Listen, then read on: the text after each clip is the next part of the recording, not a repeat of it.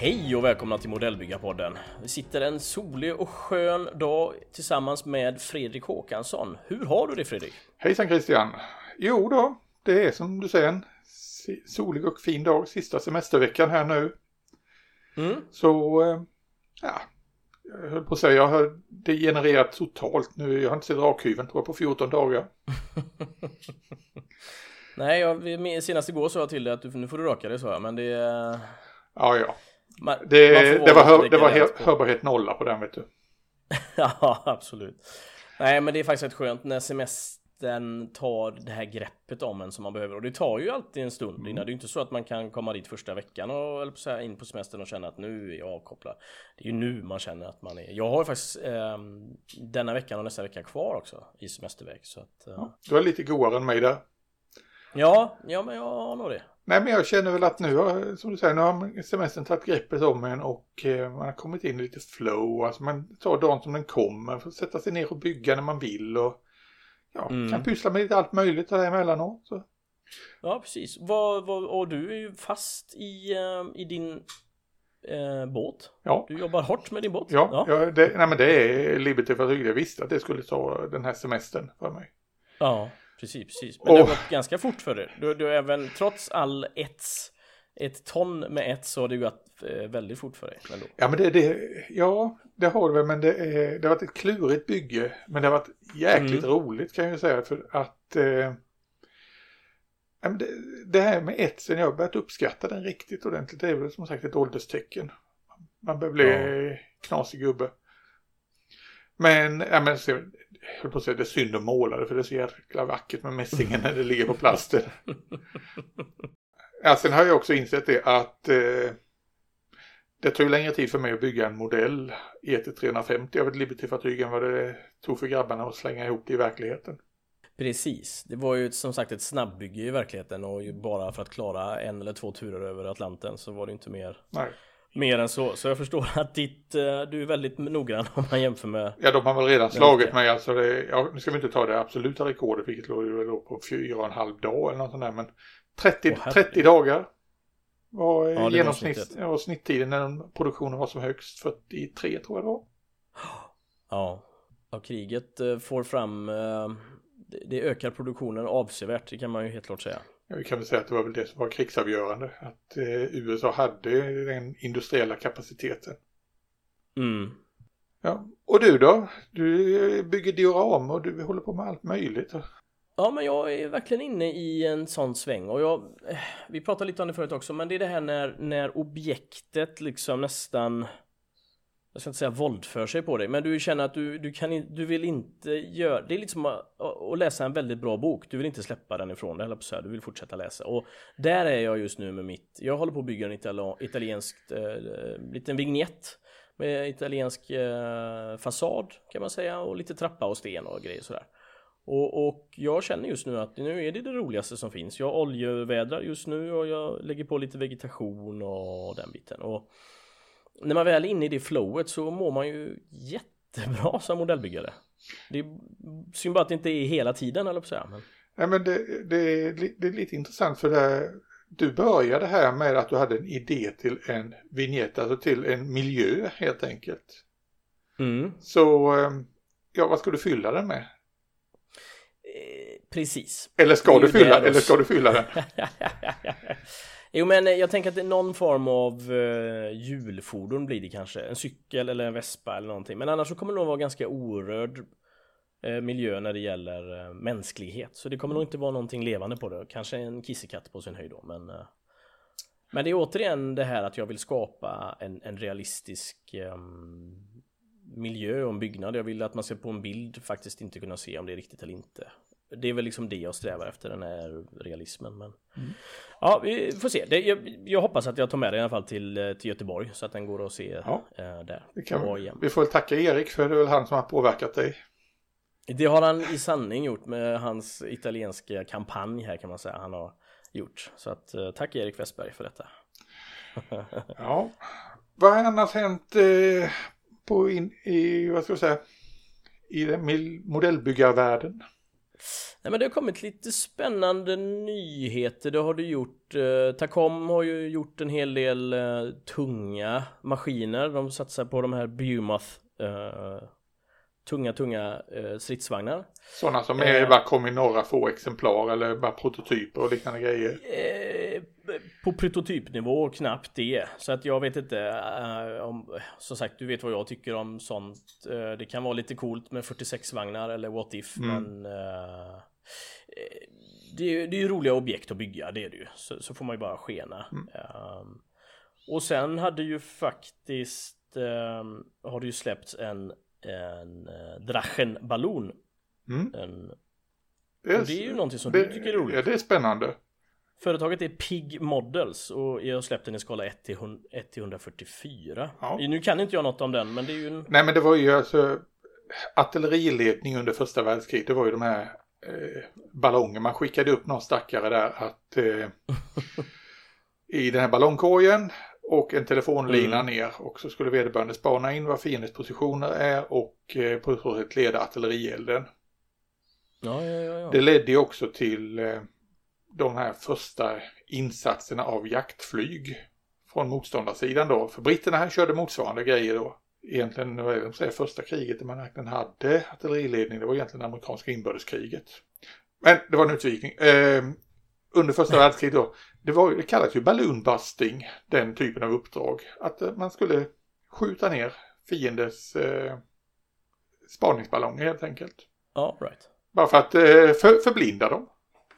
Ja, men det är klart komma 100-200 meter upp i luften är väl eh, naturligtvis väldigt avgörande för artillerieldet och kunna leda den tänker jag. Mm. När det är helt platta, platta miljöer, så ja. sönderbombade och... Nej, men jag har ju sett en del modeller också av sådana här Drachen genom åren och eh, problemet är att går du upp i skalorna, till exempel till 72 så blir den ganska stor, en, en Drachen. Mm. Den här vät, vätgasfyllda säcken. Så 144 kan jag tänka mig är lite lagom och det finns ju mycket flyg också i 144. Finns en hel del eh, dubbeldäckare, en hel del första världskrigskärror i 144. Fina små modeller. Ja okej, okay, okej. Okay. Ja men det är ju också kul att man kan komplettera för att det är ju eh, Jag såg på um, Jag såg på en film häromdagen på Youtube där de där man just kombinerar flyg då, då antar jag att det var flyg 1-32 med en 1-35 eh, figur och det blir ju alltid effektfullt liksom mm. när man, eh, eller en annan, för det var en välkänd figur så jag vet att det var en 1-35 Men eh, ja, men jag gillar det, man kan kunna kombinera två olika vapen, vapentyper liksom Ja, jag tycker det är jätteroligt just de här grejerna som kommer vid sidan om. Mm. Och där har vi även eh, att det kom zeppelinare i P och Q-klassen i 1 till 350. Och 1 till 700 tror jag faktiskt är väl Snowman Models eller, som har dem. Mhm. Det känns mer som en rimlig skala, tänker jag. Men ja, men är, den är inte så lång. Den blev en halv meter lång om, i 1 till 350. En ja. Zeppelina. Nej, det var inte, var inte så långt. så, så, små, så småningom. Men du har fastnat lite för första världskriget här nu på sista tiden va? Ja men jag har nog det faktiskt. Jag tänker också på pansarbilar. Första världskriget är ju fantastiskt sexiga. Alltså de här fyrkantiga snabblösningarna på fordon. Det är ju... Ja men det är, Jag har ju någonting som, som jag dras till och det är ju det här metallbearbetningskonceptet liksom. Att jag går väl igång på det lite. Så, så är det ju fulare desto bättre. Kan jag ju tycka faktiskt. Det gillar jag helt klart. Så att, nej, första världskriget ligger mig väldigt varmt om hjärtat också. Och jag ser att det är många på Youtube också som uh, vurmar lite för första världskriget just nu. Och, så, uh, ja. Ja, och där kan jag säga att uh, där observerar jag en sak. Där kom, uh, när du säger metallbearbetning. IC, mm. ICM har ju haft figurer från första världskriget ganska länge. Väldigt fina figurer. Mm. Ja. Och nu har de kommit ut med dem tre små lådor faktiskt med sådana med body armor. Mm-hmm. För det var ju lite bisarra prylar som dök upp under krig. Både britterna, tyskarna och amerikanerna hade lite olika varianter på det där. Vi har den här tyska Lobster Armor.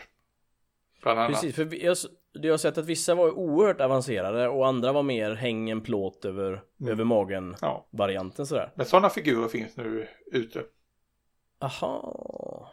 Det är ju nice. Ja, det blir ju lite steampunk över det också. Så där kan man ju Ja, konvertera och hitta på lite kul.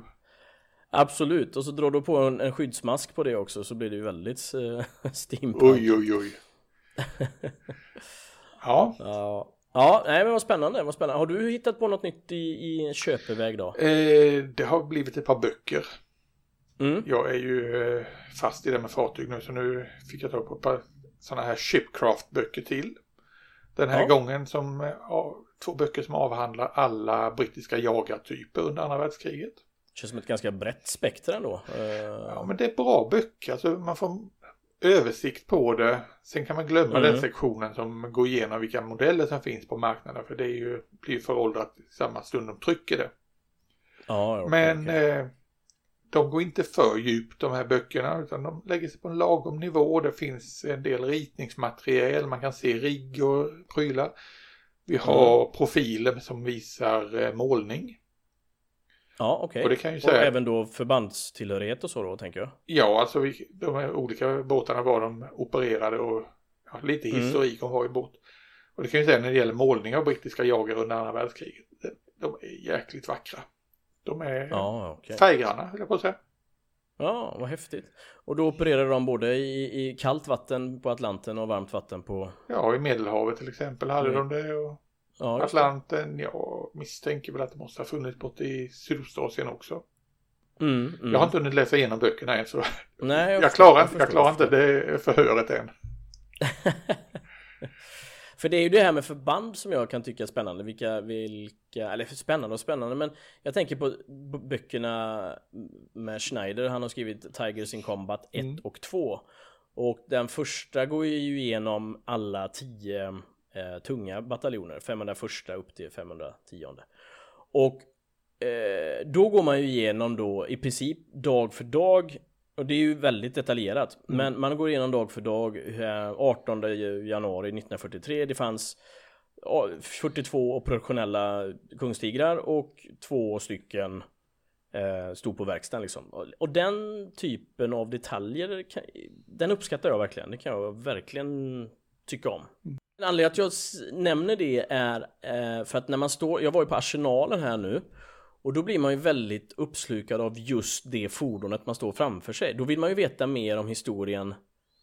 Eh, har, har det här maskinen eh, sett strid? Har, vad, vad, hur kom den till Sverige? Förstår du? Lite sådana. Ja, det kan vi få ta och förtydliga. Du, var uppe och klappade Kungstigen som är inlånad till arsenalen. Det gjorde jag. Det Mm. gjorde jag. Helt rätt. Eh, det var tredje gången vi sågs. Vi har sagts på BOV två gånger innan. Eh, så att... Eh, Är, den från, Oh, är, det, men så- är det den som är från Bovington? Mm, ja, precis, precis.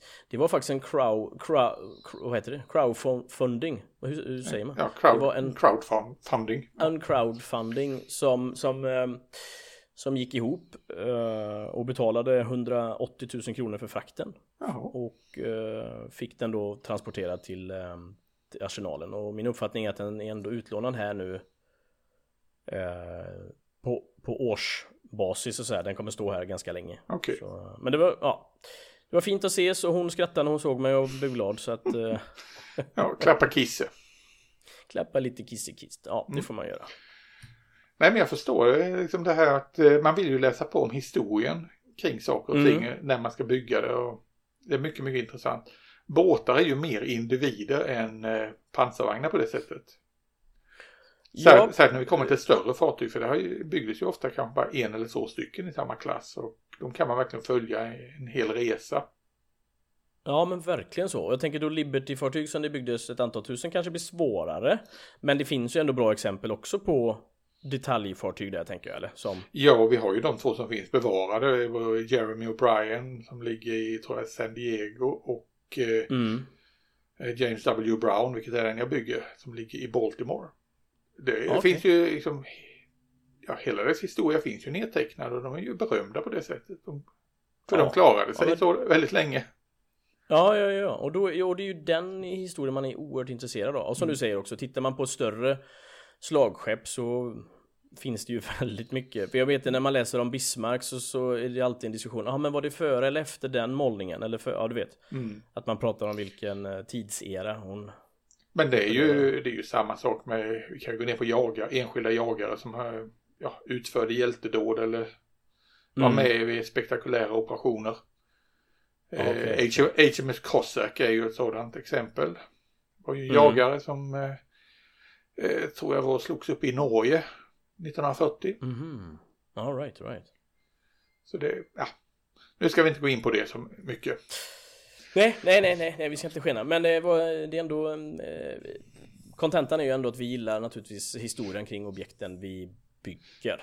Eh, Ja, man fastnar i det. Mm. Och det ger den här extra dimensionen. Ja, men det gör nog det faktiskt. Och, och det är det som gör att modellen betyder kanske lite mer för en själv, eller så här, än, eh, än för någon annan. Men det är ju också det som gör bygget värt, tycker jag. Att vi, det är ju det som gör att vi tycker det är kul. Ja, Ja, vad spännande, spännande. Jag har ju faktiskt en hel, jag har ju också, jag har ju blivit lite shopping Shopping mode, jag vet inte vad det är. ja du, Eh, du måste bygga upp en stash eller vad är det du känner? Precis. Jag behöver verkligen bygga upp en stash. Eh, nej, så att jag har fått hem ganska mycket halvkonstiga saker, eller konstiga saker, men en Roden-buss bland annat och så pansar väntar jag på. Jag väntar även på ehm, den här franska första snabbskjutande kanonen från IBG. Jaha. Den här modell 1897. En Schneider, ja.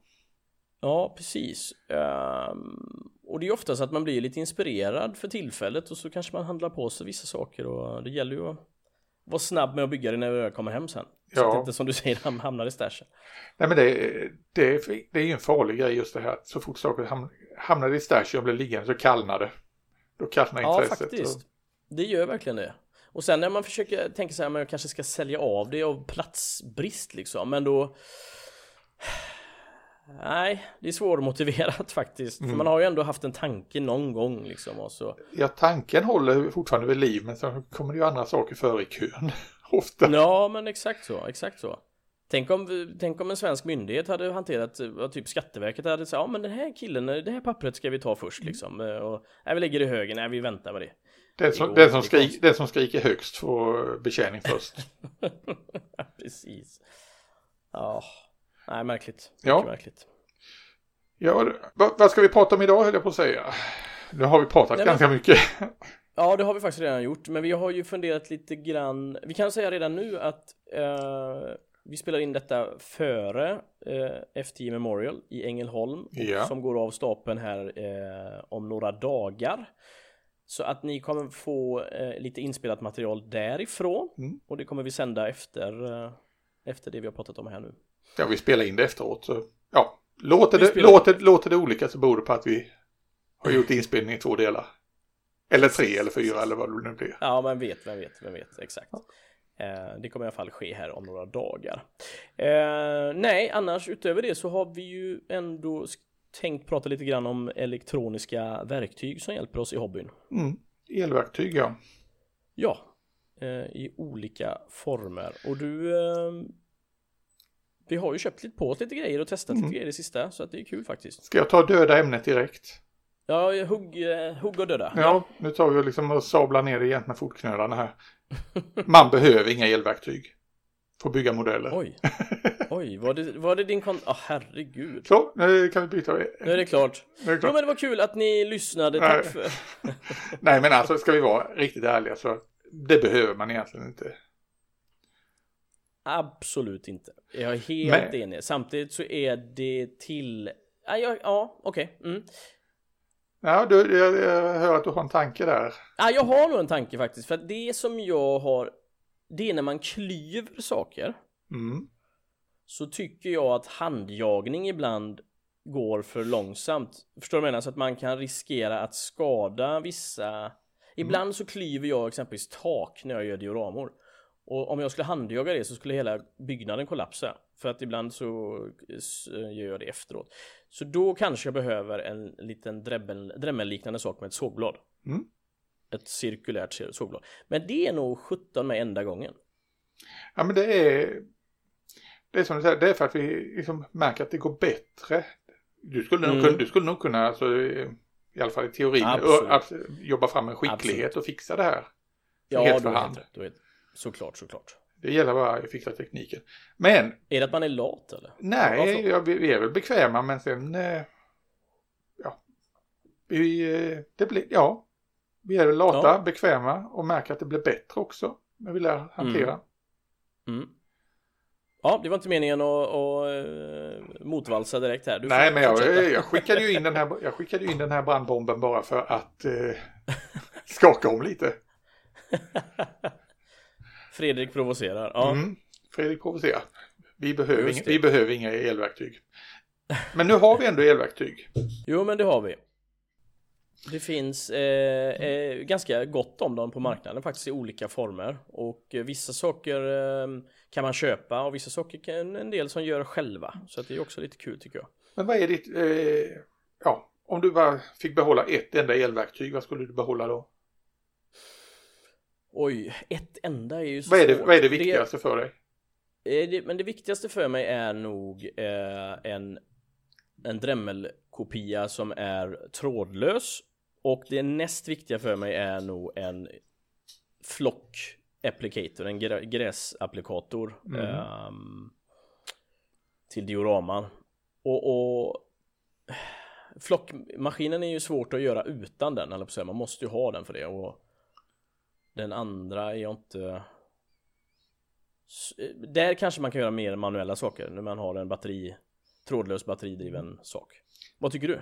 Nej men jag håller med dig om att den här lilla borrmaskinen den är Alltså grundverktyget. Har man inga elverktyg och ska köpa ett elverktyg Alltså Mm. bygga upp den här arsenalen av eh, verktyg som modellbyggare. Så då ska man börja med en eh, liten borrmaskin tror jag. Mm. Och det behöver inte vara sån här jätteavancerat men jag märkte också det att eh, när du pratar om Dremel eh, trådlös. Jag tyckte den var så, de är så jäkla tunga. Mm, okej, okej. Drem, nämligen- är rätt tunga tyckte jag. Ja, det håller jag med om. Det håller jag med om. Eh, men nu har ju både du och jag en sån här lite nättare trådlös sak. Ja, Eh, det var en sån här också- eh, lågvarvig grej som jag köpte på AliExpress. Precis, och de kan man ju då byta ut till massa olika typer av verktyg. Både slip och borr och kap och Mm. Man kan göra mycket med den. Och det där blir ju väldigt lätthanterligt tycker jag. Eh, lätt att arbeta med. Men om vi ti- går tillbaka till grunden till det här, eh, vad ska jag säga, den tyngre maskinen. Den här Mm. eh, miniborrmaskinen, typ en Dremel eller en Proxon eller liknande. Ja. För det, Dremel och Proxon det är de två stora fabrikaten. Mm. Och jag höll på Dremel i många år. Jag löste det här med att jag tyckte den var stor och klumpig med en sån här flexkabel till. Ja just det, ja men det är lite fiffigt. Så det, det hade jag det hängande i hobbyrummet. Att jag hade ett, li, Mm. ett litet och då var det som att hålla ungefär i en eh, ja, spritpenna i storlek. Eller i diameter. Ja just det. För den kunde jag hantera men då var det samtidigt den här kabeln. Mm. Sen blev det, hade jag en diskussion eh, med en av mina goda vänner, Peter Andersson, att eh, för han höll på Proxon istället. Och han lyckades Mhm. övertyga mig om att det var en, ett bra verktyg. Ja okej. Så ju, nu Vad, skiljer, vad skiljer de åt då? är eh, storleken framför allt. Mm. Proxon är eh, mindre. Okej. Men eh, Proxon har då, vad ska jag säga, strömtransformatorn liggande vid sidan om. Istället. Ja ja ja. Men då är det också så med Proxon-grejen att eh, då kan du ställa strömmen dels på transformatorn och dels på själva borrmaskinen. Mm, mm. Men då blir det en mindre borrmaskin som jag tycker är lättare att hålla i. Men det där är ju väldigt, väldigt personligt. Vad tycker man om? Jo men det är det. Men att hålla den här halvkilosklumpen från, nu ska vi inte hänga ut Mm. Dremel här, men just det, det, det är klart att det gör ju att man inte kan arbeta i så långa perioder. Och det kanske man inte behöver göra heller i våran hobby så säga. Jag tror, inte, jag, tror, jag tror snarare det är det att eh, man ska kunna hålla den på ett sätt så man kommer åt, så man känner att man har kontroll över verktyget. Mm. Det är ju som att hålla i en eh, eh, oval eller tegelsten i princip. Det är ju lite bökigt är det faktiskt. Mm. Men jag kan uppskatta de här små eh, sakerna och det är ju som sagt ehm, återigen någon sån här AliExpress, Amazon, eh, Swish eller Wish grej liksom. Mm. Eh, Men där har du, skillnad mellan den du har och den jag har. För min har bara en hastighet. Du, hade kunnat, du kan ställa hastigheten på den, eller hur var det? ja, precis, precis. Jag kan gå från eh, väldigt, väldigt få varv upp till flera tusen Mm. varv. Så att det den gör jobbet tycker jag. Och så kan man ju byta ut verktygen och så här. Och den kostar också bara 250 spänn kanske. Mm. Så eh, Ja, och det kan vi ju säga att det är viktigt att man kan köra riktigt lågvarvigt med sådana här maskiner. För vi jobbar i Mm. plast och plast smälter om man borrar med för hög hastighet. Och sen en annan sak när man har en Dremel eller en Proxon. Det första man måste skaffa till dem om det inte finns med redan från början, det är en snabb sjuck. Ja, ja, ja, ja.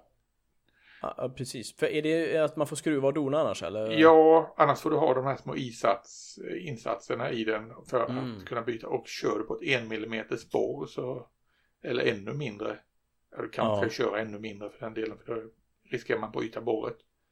Mm. Men det går mycket snabbare att byta verktyg. Det, Ja. Och det uppskattar jag. Ja men det kan jag tänka mig. Och det blir lite, det är lite, nu när du säger det, jag tänker när man håller den här halvkilosklumpen och du har ett borr på 0,0 0,5 millimeter. Ja, Alltså du, du, eh, man kan ju inte, man kan inte spela med, med utrymmet för mycket utan att det bryts av direkt. nej. Och i det fallet så är det ju frågan, ska man verkligen använda ett elverktyg? Är det inte bättre med Nej. en sån här liten pinwise eh, att hålla det i? Precis, och nästan hålla det med fingrarna. Och det tänker att det är väl många som gör. Det är ju inte Ja. alla som har någon Finwise utan ganska många använder väl fingrarna som, Där, som bar i sådana. Däremot så brukar jag använda ganska mycket för att till exempel tunna ut plast från baksidan och, Mm. och då Ja. sätter man ju i en liten, eh, en liten rasp eller en liten fräs, eh, ett litet fräsverktyg där i som kan jobba bort plasten. Men det gäller också att ha låg hastighet. Ja, så det inte går för fort, nej. Det Nej men det är faktiskt sant. De, det är oftast när man får med de här sten. De har ju väldigt lite eh, nytta av. De här stenslipgrejerna. Men Mm. eh, Nej men annars är det putsa, slipa, ja, plocka bort material, det är de jättebra på. mm. Att borra sen, då ska man ju nästan ha ett eh, stativ till den. Ja precis. Ett 90 graders stativ då. eh, Om man ska upprepa flera grejer. Sen är det ju också en begränsning på de här. Har jag ju märkt. Mm. Att de här små de klarar ju inte mer än kanske en 4-5 millimeters borr max. Nej, okej okej. Så du kan ju inte sätta i ett 10 millimeters borr i en Nej. sån här. Nej det är faktiskt sant. Det har du helt rätt i. Då får man verkligen ta fram skruvdragaren då om man har det i Mm. bordet liksom. Så eh, Ja, nej spännande. Det är som sagt ett bra komplement. Inte nödvändigt, men ett väldigt bra komplement. Ja, och det är nog som sagt det är det första verktyget som jag skulle Mm. köpa och det sista jag skulle släppa så är det nog den. Ja, För det är... Sen är det väl som du säger att eh, just en eh, sån här gräsströsslare. Ja, det är en Mm. jättebra pryl. Men jag vet inte, cellplastskäraren tror jag nog är viktigare för mig då. ja, ja. Och då är vi också inne på Proxon framför allt. Det finns ju andra fabrikat. Precis, och där och då är, du, då är ju du exemplet där du uppskattar en och jag är ju exemplet där jag inte har en och klarar väl mig förhållandevis bra utan men såklart vill man ha det. Men just nu har jag ingen. Men Men har du en, Eh, har du en handhållen variant då? jag har en handhållen variant i två olika utföranden. Den ena är en sån klassisk båge som ser ut som en såg. Ja. Eh, Alltså en, eh, och, och sen har jag även en, en pinne som ser mer ut som en Mm. lödpenna kan man säga då. Men väldigt ofta så använder jag ju rakbladsknivar och eh, nackdelen med det är ju att jag får ju trimma och dona och fippla och det blir ju ofta snett och jävligt så får man kompensera med det på något annat sätt då efteråt. Ehm, så jag kan ju verkligen se fördelen med en sån. Men den, den, lilla, den lilla handhållna är helt fantastisk alltså att använda när man formar landskap. Den, Verkligen. för det kan du ju inte använda den stora bordsvarianten till. Nej, nej men precis. Då är det ändå bara för ut uh, the basic shapes liksom. Mm. Eh, sen blir det ju rakt och fint i din bordsmaskin. Det är ju det som Ja, är... det är ju alltså det är ju Proxons bordsmaskin vi pratar om här och eh, jag använder ju den framförallt till, till två saker. Dels att eh, när man ja, gör bitar till diorama och där Mm. kan jag ju i och med att jag har det här bordet, jag har anhåll och grejer så kan jag få bra vinklar på saker och ting. Jag kan ju få tunna skivor och det blir jämnt och snyggt. Ja. Så eh, där är den ju ovärderlig tycker jag. Och sen Ja, använder jag den också till vanlig vit frigolit som jag använder Mm. som eh, packningsmaterial när jag ska ha med modellerna till eh, utställningar. ja, du kan anpassa det perfekt för... Ja, jag fraktar ju saker i plastlådor, sådana här stora plastbackar. Mm. Och eh, ja, då klämmer jag modellerna mellan de här frigolitbitarna. Mm. Så jag gör jiggar av det helt enkelt. Ja, ja, ja. Och då kan du göra custom, customize eh, för varje bygge där. Ja, det är faktiskt väldigt Och det, går- det går jättesnabbt att fixa till det också. Ja. Och det kostar ju i princip ingenting. Nej, precis. Och få med alla dina objekt till eh, utställningar och tävlingar är ju naturligtvis viktigt. Men du, när vi ändå är inne och pratar om det här med att hantera cellplast så finns det ju Mm. par, har jag ju lärt mig ett par komplement till det. Och det är Okej. ett annat verktyg som är rätt viktigt och det är varmluftspistolen. Mm. Eller hårfönen. Ja. Och alla som ser mig undrar vad fan har den gobben en hårfön för? Mustaschen kanske. Mm, möjligtvis det. Nej men alltså det är, jag använder, jag har en liten varmluftspistol och det är egentligen en sån här embossing eh, eh, pistol. Jag Mm. började med, jag hade under många år en vanlig eh, liten hårfön, en resemodell som man kunde få upp ganska bra temperatur på. Och att, för att säga att du håller på att fippla med en kniv för att forma ett Ja. landskap. Om du sen i slutänden kör med varmluftspistolen över det så Mm. tar du ju, då får du jämna till ytan helt enkelt. Och de här, Då blir den lite rund och fin. den blir rund och fin. Så den, Mm. det är ett bra komplement i det läget, just när man jobbar med det. Mm. Nej, det är helt rätt faktiskt. Och eh, som du säger, jag har också en sån embossing tool. Det är ju som en värmepistol fast Mm. för hobbybruk istället snarare än för industriellt bruk. Och de, de fungerar väldigt bra. Hårfön har jag i och för sig inte testat, men man kanske ska få upp dem i de värmen också. Ja, ungefär. Ska, det, är, det, är problem, det är det som är lite problemet att få, att den här blir den här extremt höga värmen. För Mm, annars, normalt sett använder jag den här embossing gunnen framförallt för att torka färg när jag sitter och målar. Ja, precis, precis. Sitter man och Det jobbar med oljefärg och liknande prylar. Och då gäller det Mm. att hålla den här i rörelse hela tiden. Ja, ja. För det har hänt mer än en gång att jag har eh, smält plast genom att det blir för varmt. Nej, ja usch nej. Och man har inte hållit det i rörelse utan det är, man har, jag har sabbat grejer på, på grund av det. Mm. Men annars Just är den det. jättebra just för att torka färg. Eh, för, man, du vet, man har det här då, eh, dåliga tålamodet. Man måste Ja. få färglagret att torka snabbt. Och då är en sån här embossing gun jättebra i det läget. Det är den absolut och jag vet att alla stora eh, eh, figurmålare när de lägger på tunna tunna tunna lager så använder de ju ofta någon form av fön eller annan typ av torkmaskin Mm. för att påskynda processen. Ja. Så att ja, jag förstår precis. Så, och anledningen att jag bytte från fönen till den här embossing det var ju dels för att jag kunde få upp värmen lite grann. Men Mm. sen var det att den var lättare att hålla i, Ja, okej. tyckte jag. Ja. Eh, spännande, spännande. Eh, jag kan nog lägga in ett annat verktyg här som jag tycker jag inte har behövt kanske, men när jag väl har det så tycker jag att det är spännande och det är faktiskt en, en färgblandare.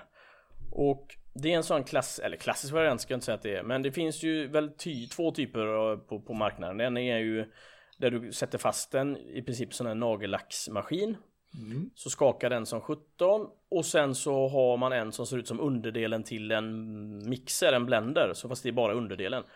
Och då trycker man ner färgen på den så börjar den vibrera. Ja. Eh, och det är en sån jag har. Och jag kan nog verkligen se fördelen med det faktiskt. Säkert när man ska måla ganska många olika färger och sitta där och skaka och hålla på och dona och man kan få vissa färger komma till liv igen och Mm. så ja, det ja, Nej men jag håller med dig. Det är, det är bra lite komplement. Att, det är ingenting som är nödvändigt men det är en bra Nej. grej. Ja men exakt så. Och jag har sett att en hel del gör dem lite själva av, av gamla sticksågar som man sätter fast dem på sticksågsbladet och skakar till och Ja, det skulle jag nog inte... ja, men det, jag ska säga att det funkar. Det, funkar alldeles utmärkt. Och jag förmodar Mm. att det, med tanke på de vibrationer som blir där så blir, funkar det jäkligt bra. Ja precis. Men eh, den varianten du pratar om där man bara liksom i princip håller ner. Du behöver inte ens spänna fast färgburken. Du bara trycker ju den mot den här Mm. vibrerande ytan och färgen skakar. Ja, jag har märkt att det är förbaskat bra när man håller på med metallfärger också. Alkladd och sånt där. För det brukar ibland pigmentmässigt fästa lite grann i botten. Men det blir helt Mm. soprent när man tar- använder dem. Så det är nog ett verktyg som jag eh, mer och mer har nytta av faktiskt. Det kan jag uppskatta. Och det tar inte så stor plats Nej. heller. Jag vet ju att min goda vän Fredrik Håkansson här köper ju elektroniska verktyg som tar en del plats. Eh, Ja, det gör jag. Men annars om vi basic-grejen också, en lödkolv. Mm. Eller en lödstation. Det Ja. är, har jag upptäckt att det är ganska värdefullt. En lödkolv säger du. Vad, vad använder du den till då? Ja men det har, ju, det har jag ju märkt nu bland annat när jag håller på med ets. Mm. Du blev jättelycklig när jag sa att jag började löda ets. Jag var ju tvungen till det. Mm. Jag kom i det läget. Underbart ju. Så det får vi väl i ett framtida avsnitt snacka om. Det här med ets. Lite Ja. närmare. Nej men där är den väldigt användbar. Och sen i och med att jag håller på med lite elektronik och lägger in eh, ljus och grejer i mina Ja. modeller. Då kan man ju inte vara utan lödkolv. Eh, Där är den ju eh, nödvändig. Ja. Ja men det förstår jag. Eh, och jag måste bara, jag faktiskt sprang på för inte så länge sedan och jag har testat det. Uh, flytande lödtenn och det är väl ingen nyhet så sett men jag har inte arbetat med det innan. Eh, men då är det både fluss och det är lödtenn i sig då. Mm. Och där har, jag Och- sett, där har jag sett folk som har jobbat med det där man bara har kört en, eh, ja typ en eh, cigarettändare över. Precis, exakt så. Man kan använda en gaslåga eller en cigarettändare eller någonting bara för att då det är nästan så att den liksom som en wash söker sig till de här skrymslena liksom när den smälter. Så det är Kap, skit. kapillärkraften där. Ja, precis. Eh, så det kan jag varmt rekommendera faktiskt. Ja. Nej, jag har mycket att lära när det gäller det här med att använda eh, ja, lödning som en, en del av verktyget. Men jag har ju Mm. förstått alltså att ju mer jag håller på med de här små grejerna så behöver jag det. Master Ja. till exempel, att bygga det i mässing, det, det går inte limma. Har jag märkt alltså, det, det håller inte. Nej, okej, det blir för tung. eh, Om du ska ha en vertikal mast och sen ett, ett rå, eh, lägga rån på det. Ja, Till exempel på, en, eh, på ett litet fartyg från andra världskriget. Det går inte att, att limma det på ett snyggt sätt. ett- och varför ska jag göra...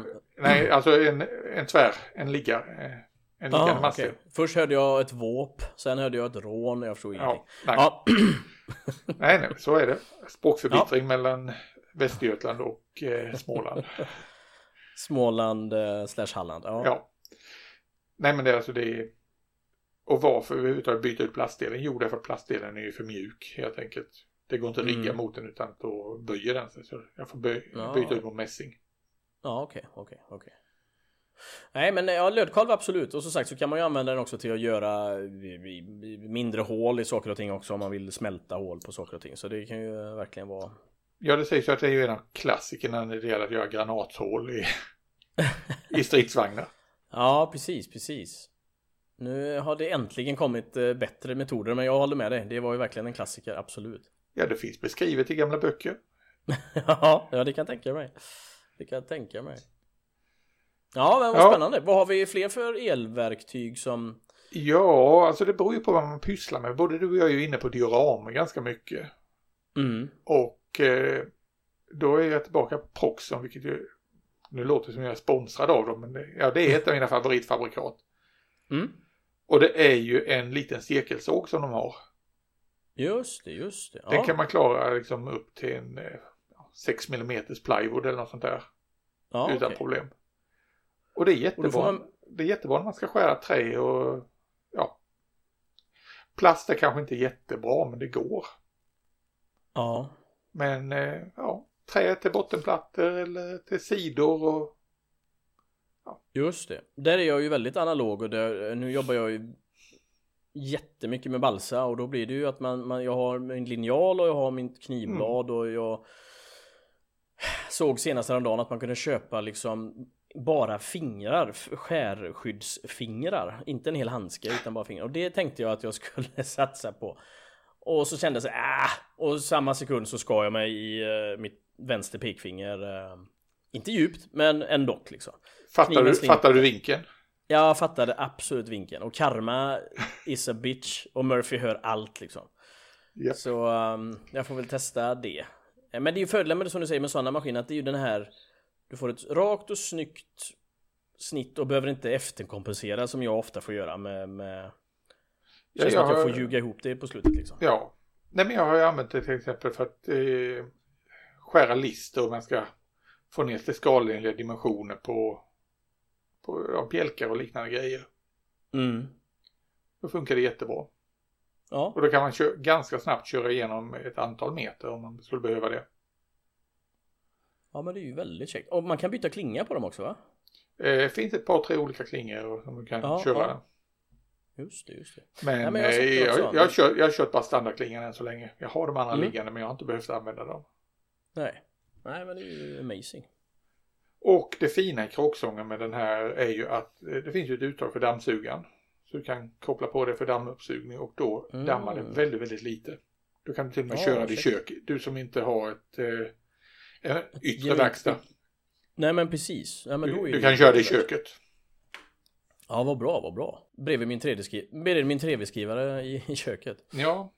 Ja 3D-skrivare har vi ju inte nämnt men eh, det får vi Nej. ta ett särskilt avsnitt om det för det är en vetenskap för sig tycker jag. Ja precis, precis. Så om man kan kalla det för elektroniskt verktyg eller inte. För jag menar det blir mer, mer eller mindre ett, ett, ett kreationsverktyg liksom. Så... Um... Ja, det är lite ja. annorlunda. Det är det. Nej men det kan jag säga detsamma då. 3D-skrivare, vinylskärare också så här avancerade prylar. Ja, precis, precis. Och Laserskärare och vinylskärare va? Ja, och laserskärare som du säger. Där, nu är vi inne på riktigt avancerade saker. Så det tror jag, det håller vi borta från det här grundutbudet. Mm. Yes. Det är verkligen grädde på moset. Nej men vad kommer vi fram till det viktigaste? Det är väl egentligen eh, en bra liten borrmaskin. Ja, precis. En ett multiborrmaskin, eh, mm. handhållen. Sen har det tråd eller inte, det spelar ingen roll. Men det är väl... Eh... Den ska ligga skönt i handen. Precis. Det är det som vi eh, ändå konkluderar. Sen är allt annat är ju, är ju bara lyx, eller på att säga. Allting. Ja, det är för att vi är bortskämda. Ja, men faktiskt. Lite låta lite bortskämda. Det... Ja. Sen till syvende till sist, det är ju lite som vi har pratat om innan också, att det här på ja, men alla de här verktygen gör ju inte slutlig, den slutgiltiga modellen utan det ska ändå målas, det ska vädras och det ska Det är ju inte ett komplement till att göra en bättre eller en sämre modell. Nej, vi blir inte bättre modellbyggare av det. Nej, nej. Men vi kanske får tid att lägga fokus på andra prylar. Mm. Ja men det är sant, så man inte lägger tid på tråkiga saker. Som att bygga chassi på en pansar, eh, pansarmodell exempelvis. Ja. Där man vill göra de roliga sakerna istället. Nej men det är absolut sant. Ja. Och det är väl det lite jag känner nu med mitt italienska eh, bygge här. Jag, jag tycker att det är kul att bygga. Jag menar, och så i och med att jag bygger scratch så jag kom på lite häromdagen också för det är alltid så svårt att förklara när man för andra som inte är modellbyggare så de undrar så här, ja, men har du byggt detta? Hur, hur, liksom så här, och de, det är så svårt för dem att förstå vad har jag byggt och inte och då, då tänkte jag på det häromdagen. Man kan ju egentligen säga att man har lite plasticard, man har lite balsa, du har lite, eh, vad heter det XPS cellplast och kanske en näve kork som ligger i en bytta och så är det det man använder och bygger av. Lite som så att säga som lego men man skapar sina egna legobitar liksom. Att man, det är, jag kan ibland tycka att det är svårt för andra att för, förklara. Ja, du hade, för, du hade tappat halva publiken bara du ber dem beskriva materialet där, ska jag säga dig. Ja, men det är väl kanske så faktiskt. Ja, precis.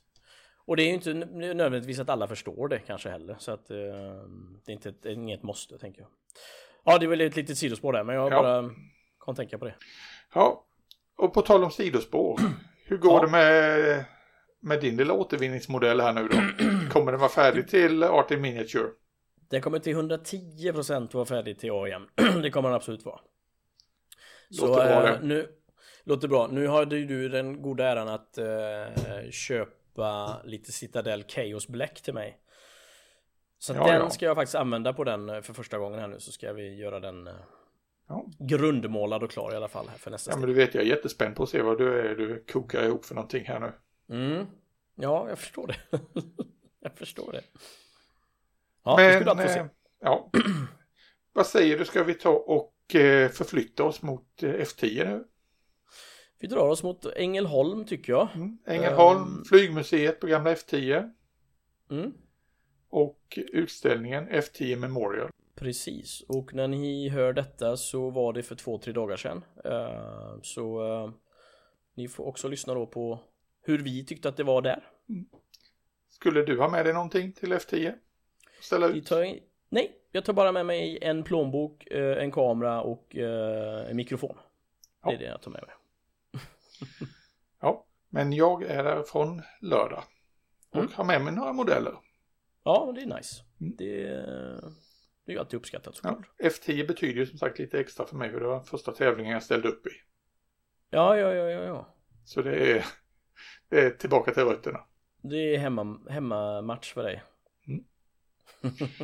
Ja, men då, Ja, men eh, vi, eh, då fortsätter då vi vi där. för oss. Ja, då fortsätter vi där. det gör vi. Ha det bra. Ha det. Hej.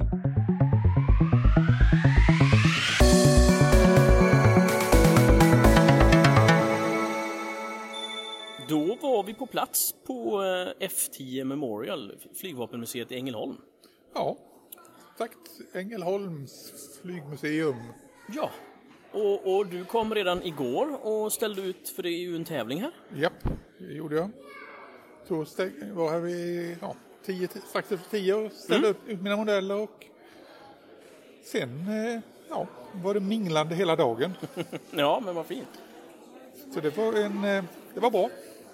Det är ju värt att nämna att de har ju faktiskt, det finns ju inte så mycket handlare här idag, men det är ju värt att nämna att de har en väldigt fin eh, shop i butiken här. Oh ja, de På museet. Väldigt fin museishop med mycket modeller. mycket svenskt flyg. Precis, väldigt mycket fokus på svensk flyg av någon anledning. Eh, men även annat också. Nej, men vad ska jag mer berätta om, eller, om gårdagen? Ja, det var ju, eh, eh, kan man säga, det är mer publik idag på söndagen. Men igår när vi väl hade ställt upp våra modeller, klockan 12 skulle alla modeller vara på plats och eh, då var det väl, jag tror det är en typ en 170 bidrag eller någonting här. Ja, Så det är ingen jättetävling på det sättet. Men, eh, eh, vad skulle jag säga, jo, då satte bedömningen igång. För den här tävlingen är sådan att vi som deltar, vi dömer också. just så. Så Just var så. och en av oss fick ut ett, ett eh, formulär med bedömningskriterier där vi skulle ge 3, 2, 1 poäng Ja, i varje klass. precis. Så det finns inga renodlade domare så som på C4 eller OEM eller Men 08. bra instruktioner för hur vi skulle döma och så vidare.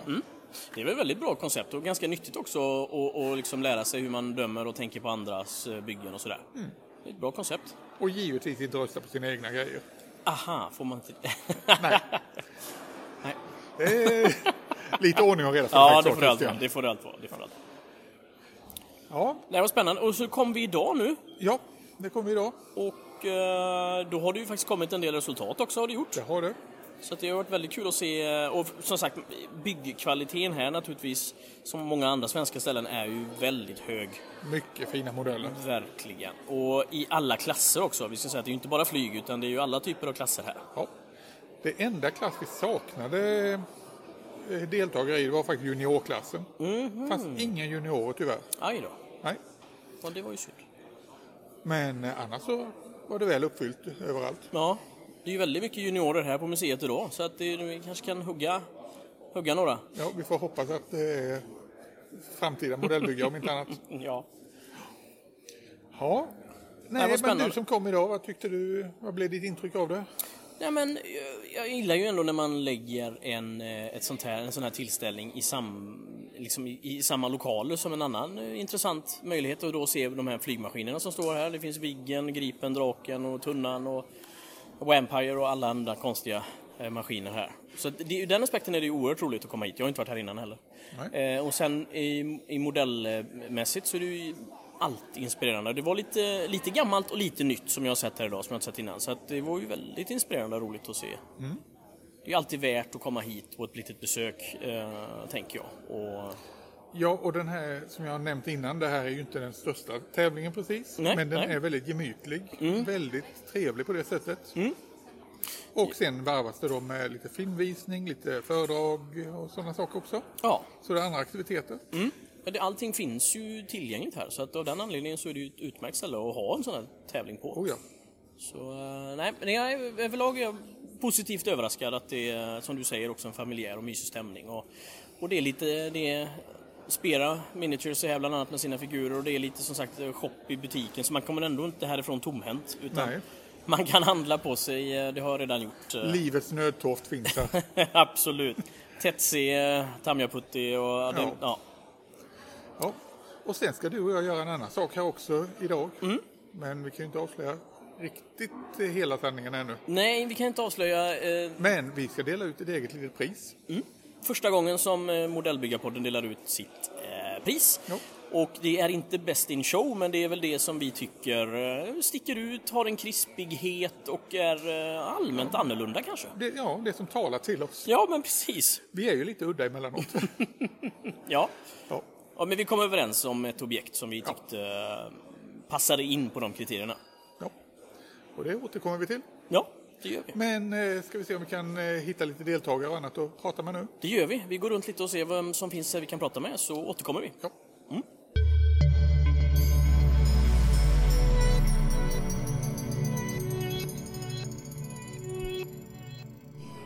Ja, här har jag hittat Peter Hedlund.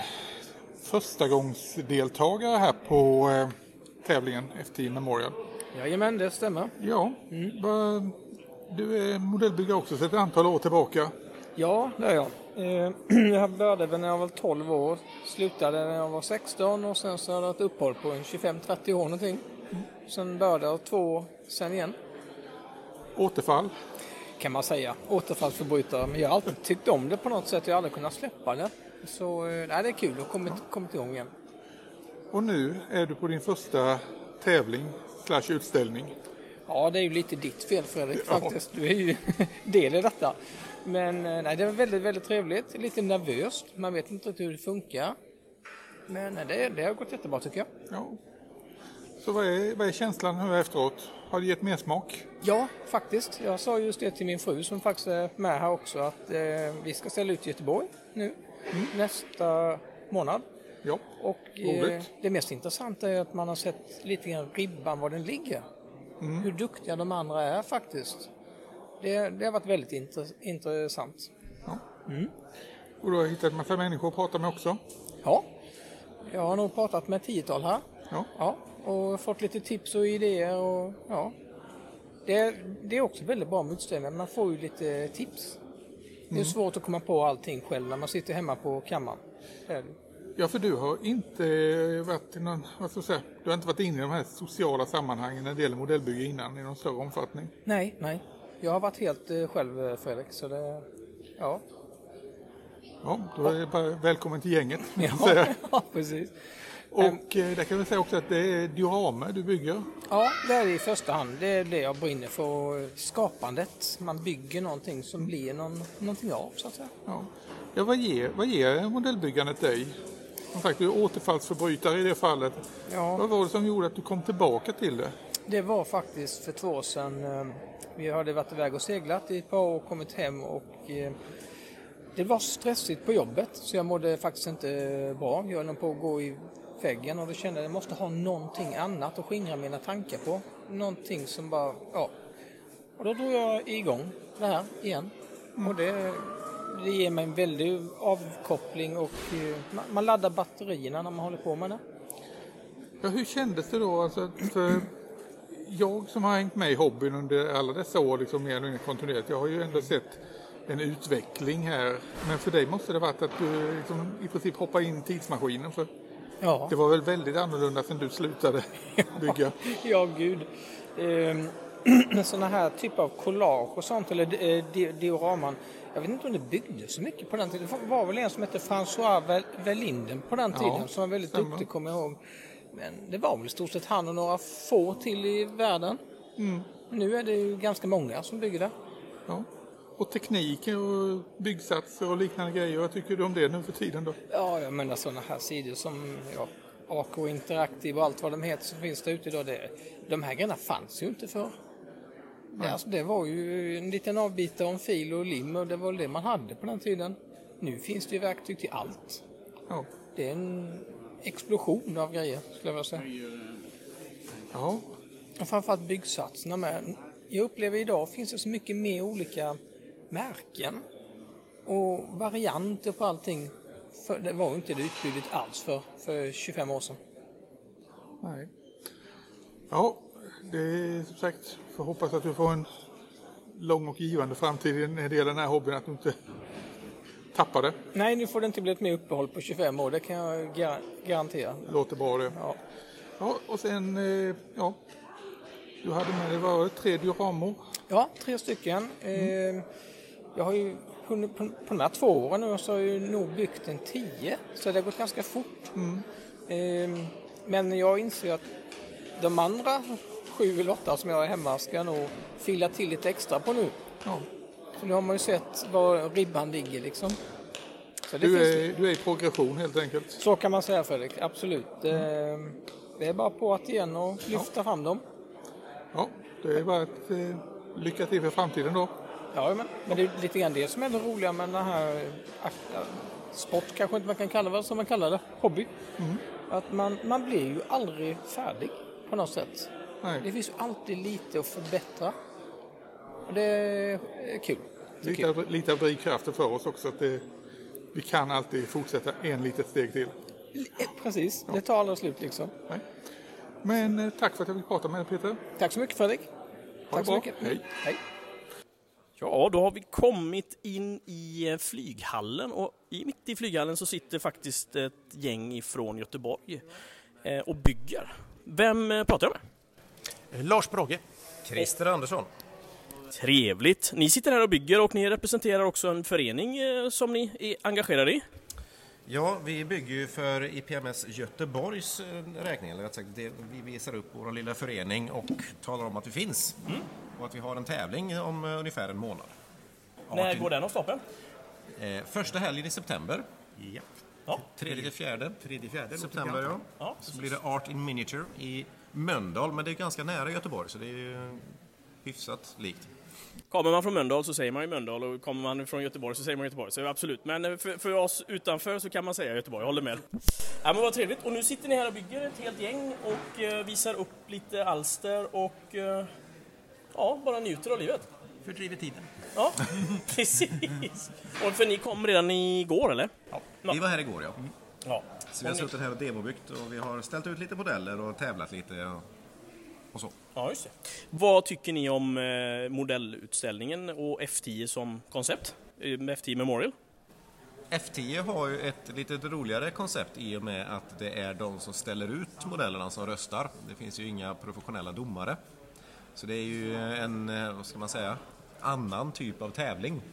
Det är lite mer popularitetstävling så jämfört med hur det är på en vanlig tävling. Så det är lite annorlunda. Ja. Men arrangemanget som sådant är ju väldigt trevligt. Det är ju alltid inspirerande att vara i ett museum och ha tävlingen och bygga. Jag menar, jag har pysslat med en Viggen samtidigt som jag sitter under en Viggen. Så det är. Och, och, och Lars, vad tycker du om tillställningen? Jo, det är ju en, en trevlig sommartävling. Det är ju...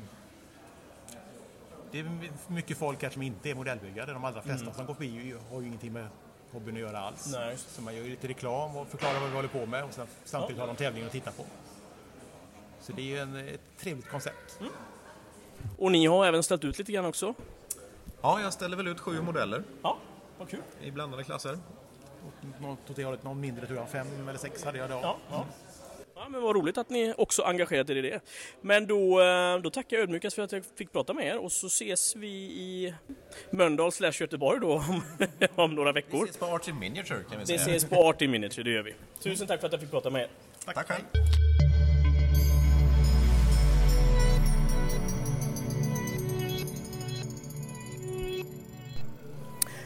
Ja, då börjar den här, ehm, det här eventet börja gå mot sitt slut. Ehm, är du nöjd med dagen Fredrik?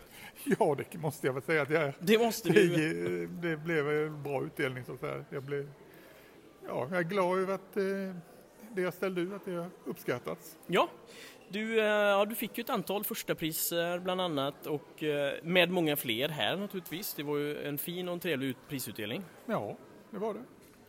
Det var... Ja, nej, jag höll på att säga det. Det, det blev nästan jobbigt. Det blev nästan pinsamt för Ja. Fredrik till slut. Nej då. Men som sagt, alla uppskattar ju dina byggen och det är ju jättekul att se. Så att, eh... Och Ja. vi delade ju också då som vi sa innan, vi har ju delat ut vårt första pris eh, i egenskap på Modellbyggarpodden. Och, Det gjorde vi. och eh, priset gick till Andreas Samuelsson, Ja, för en Piaggio... Vad hette den nu? mm, CP7. Ja, Ja. stämmer. Och eh, det var ju då ett... ett, ett Det är ett litet hydroplan från... Eh, ja, vad var det? 1929. mm, precis. Lite italiensk prototyp. Ja, Och den tyckte vi stack ut, så att säga. Den, den hade en krispighet, den var häftig. Mm, den var precis right up our alley, precis Ja. som vi vill att det ska vara. Så att eh, våran förhoppning är att vi ska dela ut fler priser i, I framtiden, i ja. framtiden. Och När, där vi dyker upp. Precis. Ja. Så, eh, och vi fick även chansen att presentera Modellbyggarpodden också lite grann för, Ja. för besökarna här. Så att, eh, nej men jag är också väldigt nöjd med dagen. Det har varit, ehm, som sagt, inte en sekund har vi stått stilla. Det har varit antingen kolla på flygplan eller kolla på modeller eller handla modeller eller någonting Ja, sånt. Så vi har att, haft väldigt roligt. det har vi verkligen haft. Så jag, ehm, jag är tacksam för dagen. Ja, det är jag med. Bra.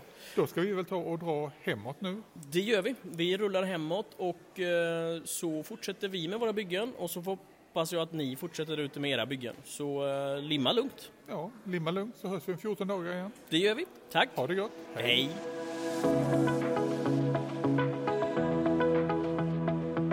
Tack för att du har lyssnat på Modellbyggarpodden.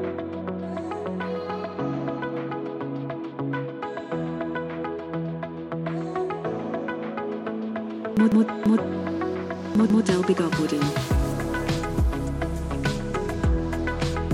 Mod, mod, mod, mod,